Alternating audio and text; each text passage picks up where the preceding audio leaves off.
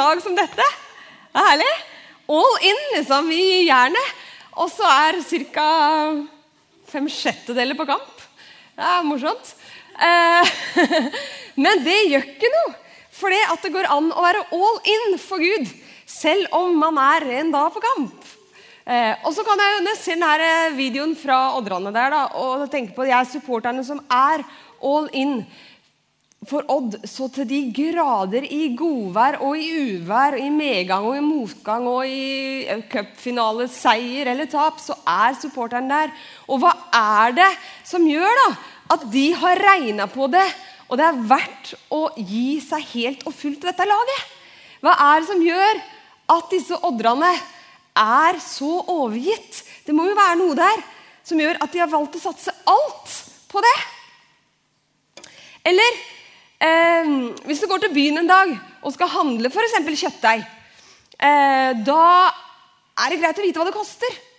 Men hvis du ikke helt vet hvor mye panten er på kjøttdeig for tida, da er det kanskje litt vanskelig å handle. Eller hvis du eh, Hvis du skal eh, handle en pizza, da, eller hva det nå var Du har 30 kroner, jeg skal ha noe godt å spise. Er det hit du går, da?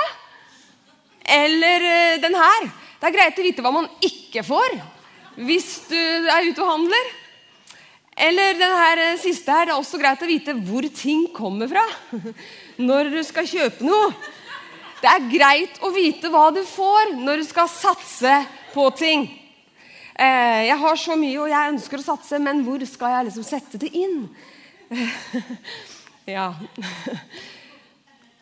Eller hvis du skal bygge et tårn da er det lurt å først sette seg ned og regne ut hva det vil koste. Har jeg penger nok til å fullføre dette tårnet? Og så lurer du på er det verdt innsatsen. Ja, da gjør jeg det. Jesus han snakka mye, og han sa også litt om det her å regne på kost-nytte-verdien i hva man satser på, faktisk. Og Han visste det. Han var snekker. Han visste det at det lønte seg å kalkulere på forhånd og se har jeg nok til det jeg ønsker meg, eller betaler jeg det som trengs for å få det jeg ønsker meg. Det lønner seg å se er jeg villig til å betale det det koster. Og I starten av gudstjenesten da, så, så vi da denne filmen 'Happy' med Farrell Williams. En eh, video til å bli glad, er ikke det? Når jeg jobba på forhånd med denne talen, her, så var jeg litt nysgjerrig på det begrepet 'happy'. Eh, lykkelig. Jeg lurer på hvor mange treff fins på ordet lykke, mon tro? På nettet. Det var jeg litt nysgjerrig på. Jeg skal forklare hvorfor etter hvert. Og vet du hvor mange treff det er på lykke? Eller på happy, da? 25 milliarder treff er det på happy. Og da syns jeg det forteller meg at folk er på jakt etter lykke. Folk ønsker å ha det godt i livet sitt. Og hvis vi er så opptatt av det, da, da bør vi vel finne veien dit, bør vi ikke det? Istedenfor å gå og famle i blinde. Siden 6. oktober har vi hatt denne serien Nærmere i SMK. Eh, nærmere, Inge sa litt om det, om å komme, det å øve seg på å leve nærmere Gud i hverdagen. rett og slett. Det er det som har vært eh, fokus. Og I dag så har vi siste runde på det, og jeg skal trekke litt tråder og si litt om det her. da. Og Målet vårt har vært nettopp det, å inspirere oss alle til å hver dag koble oss mer og mer og mer på Han som har skapt oss. Han som er med oss hele tida, men som vi ofte glemmer er med oss eh, fordi vi er opptatt med våre ting. Eh, og Vi har hatt noen hjelpemidler til å hjelpe oss til å huske på at han er med. Eh, og En av de hjelpemidlene er det her appen som flere av oss har lasta ned på telefonen. Jeg vet ikke om du har gjort det, men den ser sånn ut. Mange av oss har gjort det. Og latt den være en sånn påminner hver time om at å ja, stemmer, Gud, du er jo her. Du er med meg her i det jeg står i nå. Uh. Eh, og så har vi i tillegg hatt disse her klistremerkene som du kanskje også har eh, putta på strategiske steder. For liksom, ja, stemmer det. Nærmere. Han er her. Ikke for at de klistremerkene og de greiene der er liksom saliggjørende i seg sjøl, men hensikten er rett og slett å få en påminning om at du, Gud, er med meg i det jeg står i nå. Og hva ønsker du nå? Hvordan ønsker du at jeg skal bruke denne situasjonen? Hvordan skal jeg best mulig møte det jeg møter nå? Dette har vært et slags eksperiment som altså har gått siden 6. oktober. Og så har du kanskje hivet deg på det eksperimentet, kanskje ikke. Hvor mye du har gjort, det har vært opp til hver enkelte.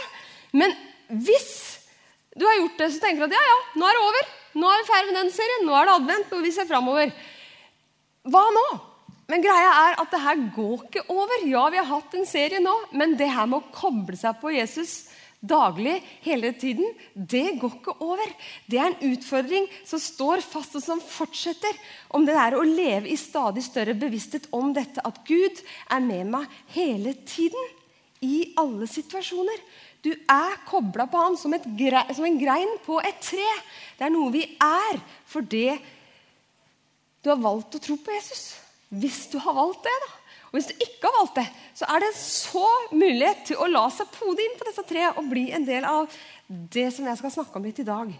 Um, og jeg tenker at Jo større bevissthet jeg får rundt det her, jo mer vil jeg oppleve at Gud leder meg gjennom dagene mine. Jo mer vil jeg oppleve at han fyller meg med det som er av seg. Fyller meg med hans glede, som overgår all forstand. Tross omstendigheter. En fred som er større enn den ufreden som mine omstendigheter skulle tilsi. Hvis du har vært med på dette her, så har jeg lyst til å spørre har, har disse ukene her hvor vi har snakka om en økt bevissthet rundt det, ført deg inn i noe nytt? Har du opplevd at Gud oftere har minna deg på ting? Har han leda deg inn i situasjoner du, du har på en måte opplevd at åh, nå er jeg helt på rett sted? Han sa akkurat det jeg trengte, eller jeg kunne si akkurat det hun trengte. Har du opplevd noen sånne ting? Har du kjent at det som Bibelen kaller for åndens frukter, har blitt mer synlig i livet ditt? Og sånne åndens frukter det er rett og slett kjærlighet, det er glede, det er fred, det er overbærenhet, det er godhet, det er vennlighet, det er trofasthet, selvbeherskelse, ydmykhet. Har du opplevd at disse åndens frukter har blitt mer blomstra mer da, i livet ditt i disse ukene? Hvis du har det, så har jeg lyst til å utfordre deg på å dele det med de du har rundt deg. Fortell om det i smågruppa di. Fortell om det til oss som jobber her, så at vi kanskje kan formidle det videre. Ikke nødvendigvis med navn og nummer, men anonymt hvis du ønsker det. Men formidle de gode historiene om hva Gud gjør i hverdagene våre. Eller du kan kanskje til og med skrive det på Facebook-gruppa til SMK. For vi har jo vår Facebook-gruppe som er for de som er medlem av den gruppa. Det kan alle bli, men de må legges til. Så når du skriver der, så er det begrensa folk som ser. Men allikevel, legg inn litt nettvett når du skriver, og, og ikke utlever osv. Vær litt klok på det. altså det er sagt. Men, men, eh, del! Det er hensikten med det jeg sier nå. Del når du opplever de gode fortellingene med Gud. Del når du kjenner at åh, han er her! Jeg kjenner at han leder meg. Jeg opplever at hans frukter i meg vokser. Del med hverandre. Da er vi med å oppmuntre hverandre. Men hvis du ikke har opplevd det, hvis du har vært med på eksperiment, men ikke har opplevd det, så del det òg. For vet du hva? Det er like viktig å dele med seg av de tingene som å, ja, men jeg synes det er litt tungt. Så har vi flere til å bære dette sammen. Og så er livet sånn at det skifter litt. Det er ikke alltid at et tre blomstrer. Det er ikke alltid at vi kan plukke pærene fra pæretreet. Treet går i sesonger, og det gjør livet våre òg. Men treet har alltid greinene poda i seg. Vi er fortsatt med på et levende tre, selv om ikke vi til enhver tid blomstrer. Og det at vi deler med hverandre av de tinga der, det tror jeg gjør at vi oppmuntrer hverandre. Og så er jeg i en fase kanskje da, hvor jeg ikke blomstrer, men så kan jeg lese om deg. At du opplever ting. Så kan det, å, det inspirerer meg. Så blir vi hverandres lemmer og hverandres eh, medgreiner, da, for å fortsette i det bildet der. Som Martin talte om forrige uke når han snakka om den indre avhengigheten som man kan ha i et fellesskap som det vi er en del av. Og Selv så øver jeg meg i det her med å koble meg på Jesus gjennom dagene mine. Koble meg på å si OK, Jesus, her er vi. Du og jeg. Du og jeg, Gud. Litt sånn emilsk over det. Eh, og prøver å koble meg på hva sier du nå? Hva har du nå? Og det er spennende. Og så kan du tenke at det, høres forferdelig slitsomt ut. Du skulle koble seg på sånn hele tida. Og ikke liksom gjøre det gjør fære før du kan liksom Jeg snakker ikke om at jeg setter meg ned og kneler ned og ber. Det er ikke den jeg snakker om. Jeg snakker om at det er sånn kontinuerlig bevissthet rundt det. Akkurat som når du tenker dine vanlige tanker Eller kanskje ikke du er sånn, men jeg er sånn som driver og har sånn indre dialog med meg sjøl hele tida. Det er flere enn meg som har det. Så det går sånn mye kryss og tvers, disse tankene opp og ned. og og så er det egentlig bare det å koble Gud på de. Og så er vi på mange lag på en gang. Jeg kan gjøre én ting samtidig med at jeg tenker. Jeg kan stå her og snakke til dere og samtidig med at jeg tenker på hva jeg skal gjøre etterpå. Ikke sant? Vi er liksom flere steder på en gang, i tid og rom, men jeg er jo selvfølgelig her. Eh, og da, sånn så er Gud en del av det. Så det går an å ha Gud eh, være en bevisst, ha han som en bevisst tanke i livet vårt, samtidig med, med at vi gjør alt mulig annet. Det handler ikke om å ta seg nakken og streve, men det handler om å være, lære seg opp i og øve seg opp i å være lydhør da, mot Han i de situasjonene vi har gjennom dagene våre. Så kan man lure på hva har det her med 100% å gjøre? Og jeg tenker at det har alt med 100% å gjøre. For da Jesus inviterte til disippelskap, da han inviterte folk til å bli hans etterfølgere, så la han ingenting imellom. Han sa, 'Det vil koste å være min disippel, men du vil vinne alt.' Og Det fører oss til et av de paradoksene som jeg i hvert fall opplever som et av paradoksene i den kristne troa. Og jeg skal lese et sitat fra Markus, hvor Jesus sier Den som vil berge livet sitt, skal miste det. Men den som mister livet for min skyld og for evangeliets skyld, han skal berge det. Og tenker jeg, wow, det var jo heftig. Skal vi miste livet? I ytterste konsekvens så snakker han om faktisk fysisk ja, miste livet. Og de han snakka til da, de tolv disiplene Av dem så var det én som ikke måtte bøte med livet fordi han følte var Jesu etterfølger. faktisk. Så det, det, det, var deres situasjon. Jeg tror ikke de fleste her kommer i den situasjonen. Takk og lov og Gud, takk for det. Eh, at vi er så heldige at vi bor her vi gjør. Men vi vet at akkurat når vi står her nå, så dør folk fordi faktisk de har valgt å være Jesu etterfølgere.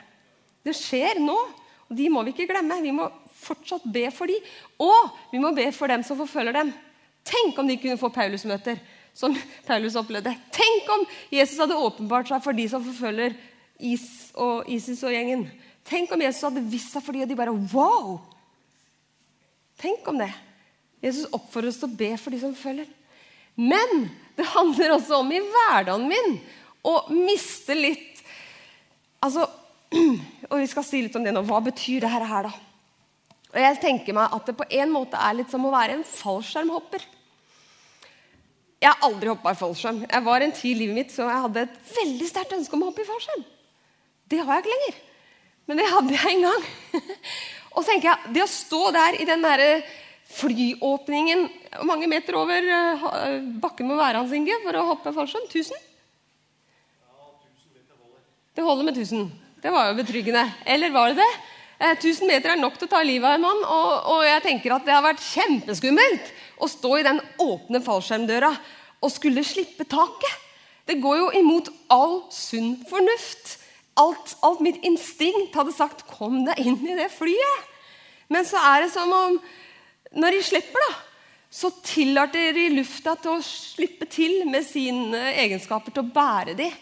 Da slipper de luftas egenskaper til, og de kan gjøre jobben og bære en. Og de kan til slutt bare slappe av og nyte utsikten. Og de som har gjort det greiene her, de snakker jo om at det er en sånn fantastisk følelse av frihet og flyt. og Man er liksom på plass. Eh, og jeg tenker at det her med å leve med Jesus da, er litt sånn som dette her. Det er litt som det der å stå i flyåpningen og lure på skal jeg hoppe eller skal jeg ikke. Åh, Gud, ah, skummelt. Men det å tørre å slippe taket og slippe Gud til. Så han kan komme til å få anledning til å vise at han bærer jo. At vi gir Gud anledning til å vise at, at jeg gjør som jeg lovt. Jeg vil bære deg, jeg vil være med deg, jeg vil sørge for deg. Jeg vil gi deg innspill til tanken din, så du vet hva du skal gjøre, så du får ord i rett stund, osv. Og, og når vi da henger der i stroppen og er som en fallskjermhopper For en utsikt! Når vi ser alt det Gud har for oss. Og vi erfarer alt det han har til oss. Og vi får kjenne Gud, og vi får leve med et liv med sånn evighetskvaliteter over seg. Vi får leve et liv med smak av himmel. Et liv der Guds rikes kultur eh, får prege oss. Og hans rikes kultur er som disse åndens frukter.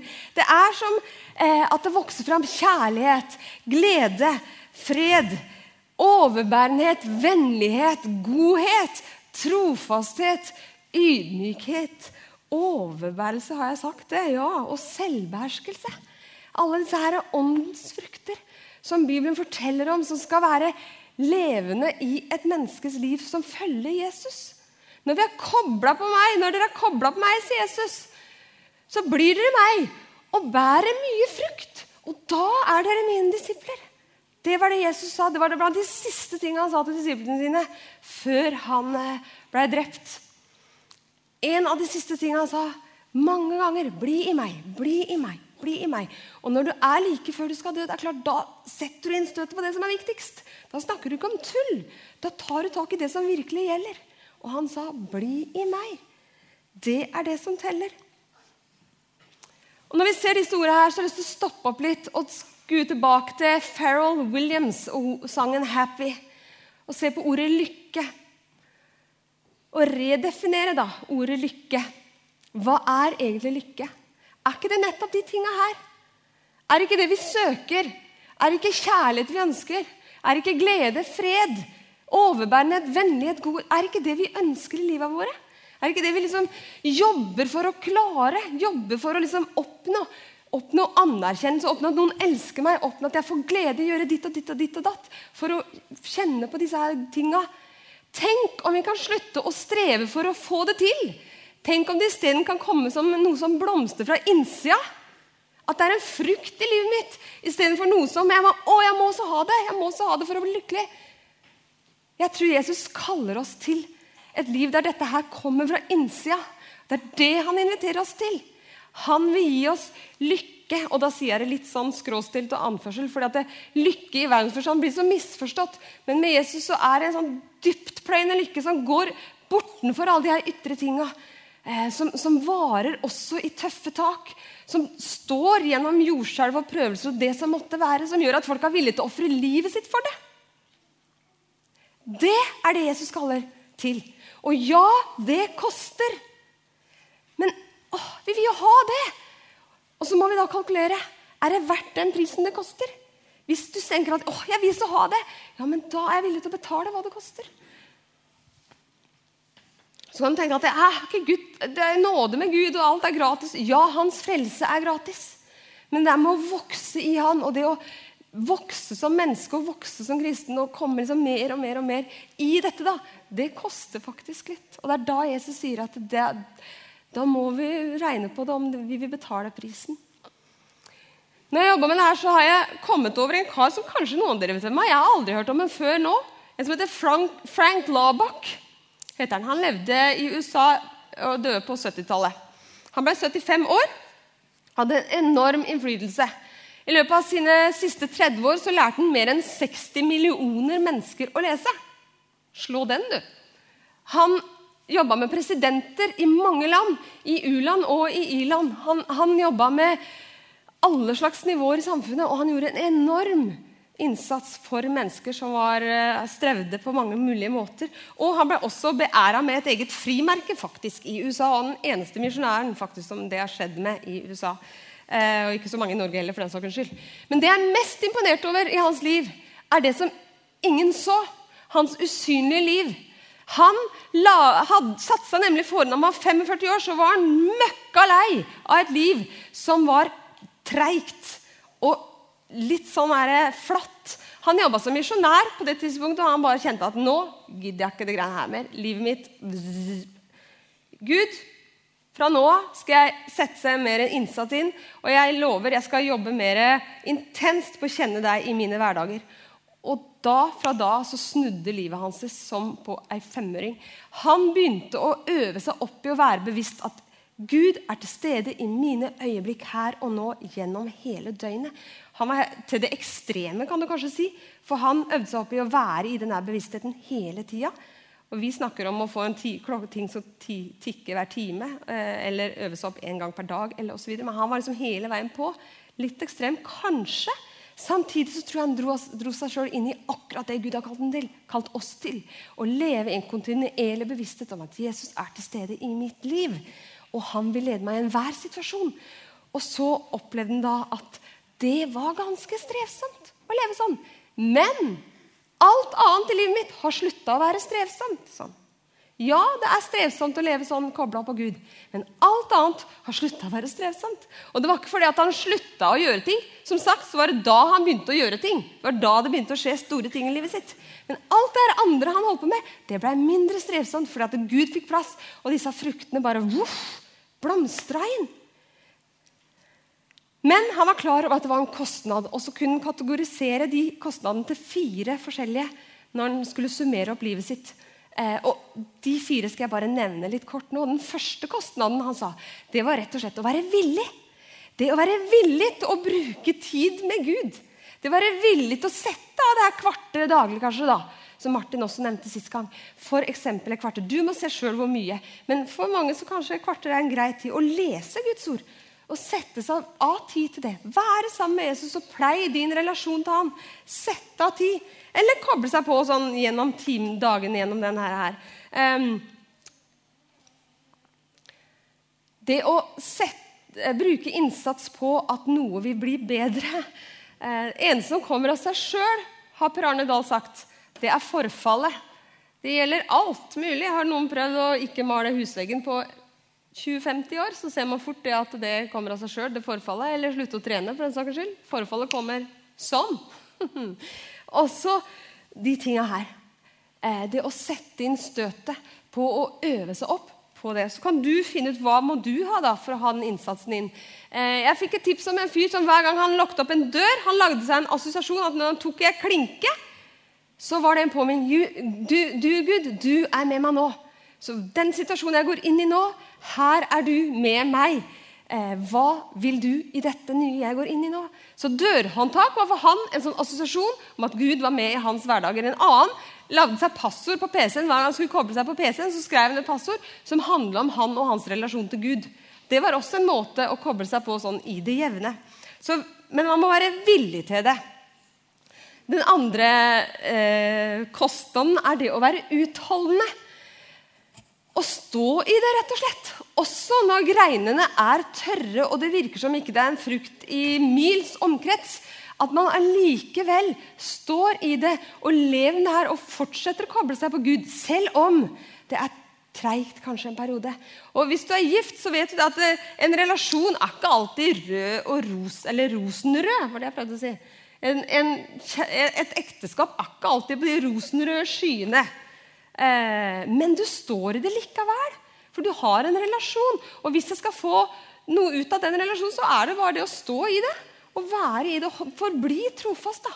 For det er da du får den der lange kjærligheten, det er da du får de dype røttene. Det er da det kan slå rot og bli noe som er større enn det man kan ane. Det å være utholdende selv om det kan være vanskelig. Den tredje kostnaden han snakka om, det var det å gi seg til hverandre og være en del av et gruppefellesskap. Og her i høst har vi sagt mye om det å være med i smågrupper. Og hvis du ikke har eh, joina en gruppe ennå, så gjør det, da. Enten du er medlem her eller ikke. Men hvis du har lyst til å være sammen med andre som er opptatt av tanker om, omkring Gud og tvil og tro og sånne ting Du trenger ikke være en kristen for å være med i smågruppe. Men hvis du har lyst til å utforske dette med troen, bli med i en smågruppe.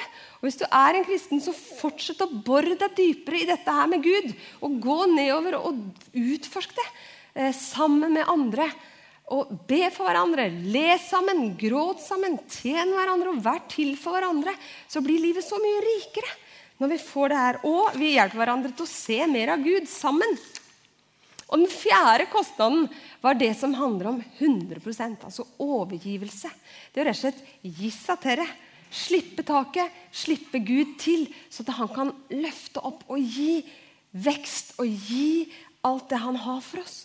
Og Han gir oss nye sjanser på det her hver eneste dag. For jeg kan ofte henge litt sånn i den flyåpningen med en ånd og liksom dingle med beina og liksom kjenne det her er jo bare skummelt. Det er bare skummelt å hoppe i fallskjerm. Men det er først når jeg slipper taket, at jeg faktisk kan være i det svevet. Det er først da det handler om å slippe til. Er det noe som holder deg igjen? Er, er, kan det være følelser fra gamle Kan det være ting, noe du ikke har gjort opp med et annet menneske? Eller en annen historie som skjedde den gang? Da kanskje det er ting som må gjøres opp, rett og slett. Eh, for å slippe, slippe tak i det. Gi det til Gud, så at han kan få komme til å gjøre resten. Så at du kan la han bære deg gjennom det som måtte skje. Gud gir oss nye kraft, sjanser hver eneste dag. Men han utfordrer oss da som sagt kraftig. Han snakker om å regne på disse kostnadene. Og så sier han da i forbindelse med at han snakker om det her, et karen som skal bygge tårn, så sier han om noen kommer til meg og ikke setter det høyere enn far eller mor eller barn eller søstre eller brødre, ja, høyere enn sitt eget liv, så kan han ikke være min disippel. Og da ble jeg sånn What? Hva er det du sier nå? Skal jeg sette familien min til sides? Er det det du sier, Jesus? Skal jeg slutte å elske de jeg elsker mest? Er det det du sier, Jesus? Men han sier ikke det. Han sier ikke det. Han sier at vi skal elske ham mer. Og da kan jeg først tenke at det her var jo et skikkelig PR-framstøt for å få mange etterfølgere. Jesus. Det var jo... Eller hvem blir ikke skremt av det? liksom? Men hvis vi hører etter hva han faktisk sier, så er det ikke skremmende. Så er det faktisk nettopp det vi søker. For han sier disse her relasjonene våre som vi har, de skal være så gode som bare det. Han ønsker for oss at de relasjonene vi står i, skal være den beste utgaven av den relasjonen det går an å bli. Han vil hjelpe oss til at også åndens frukter er gjeldende der. At vi er fullt av glede, fred, kjærlighet osv. Også i de nære relasjonene. Og Hvis vi ser da på disse her relasjonene hvor jeg står i forhold til eh, hverandre, eh, så har jeg alle de rundt meg som jeg elsker og som jeg er glad i. Eh, og og så blir det nesten som å ha flere tanker i hodet på en gang. For at jeg er glad i de, og så samtidig så omslutter Gud alt dette her og er over det, er rundt det, er under det, og han gjennomsyrer det hele. Det er han det kommer fra, han det går til. Han elsker at vi har gode relasjoner med hverandre. Men i tillegg så går han utapå det og sier at sett meg høyere enn alt det, så vil du få alt det andre i tillegg. Søk først meg, så vil du få alt det andre i tillegg. Søk først meg og plei meg, så vil åndens frukter vokse fram i deg. Og det vil krydre hele livet ditt. Hvis vi klarer å sette alt i rette rekkefølge og sette på han overalt, da tror jeg at han blir mye mer og mer og mer integrert i hele livet vårt. Og en mye mer, mer, og mer naturlig del av livet vårt. Og ja, det vil koste, men jeg tenker at det er så verdt prisen.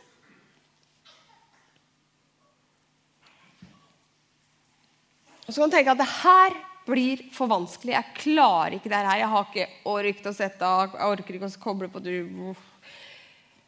Når du puster, så skjer det av seg sjøl. Og Gud inviterer oss til at han er en del av vår pust. At han er når vi hviler. At vi kan hvile i ham.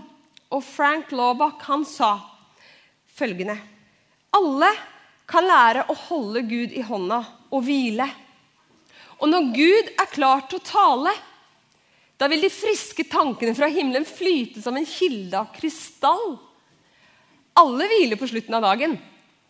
Hvilken gavn ville ikke det være for verden om alle kunne hvile i den ventende fars armer og lytte helt til han taler?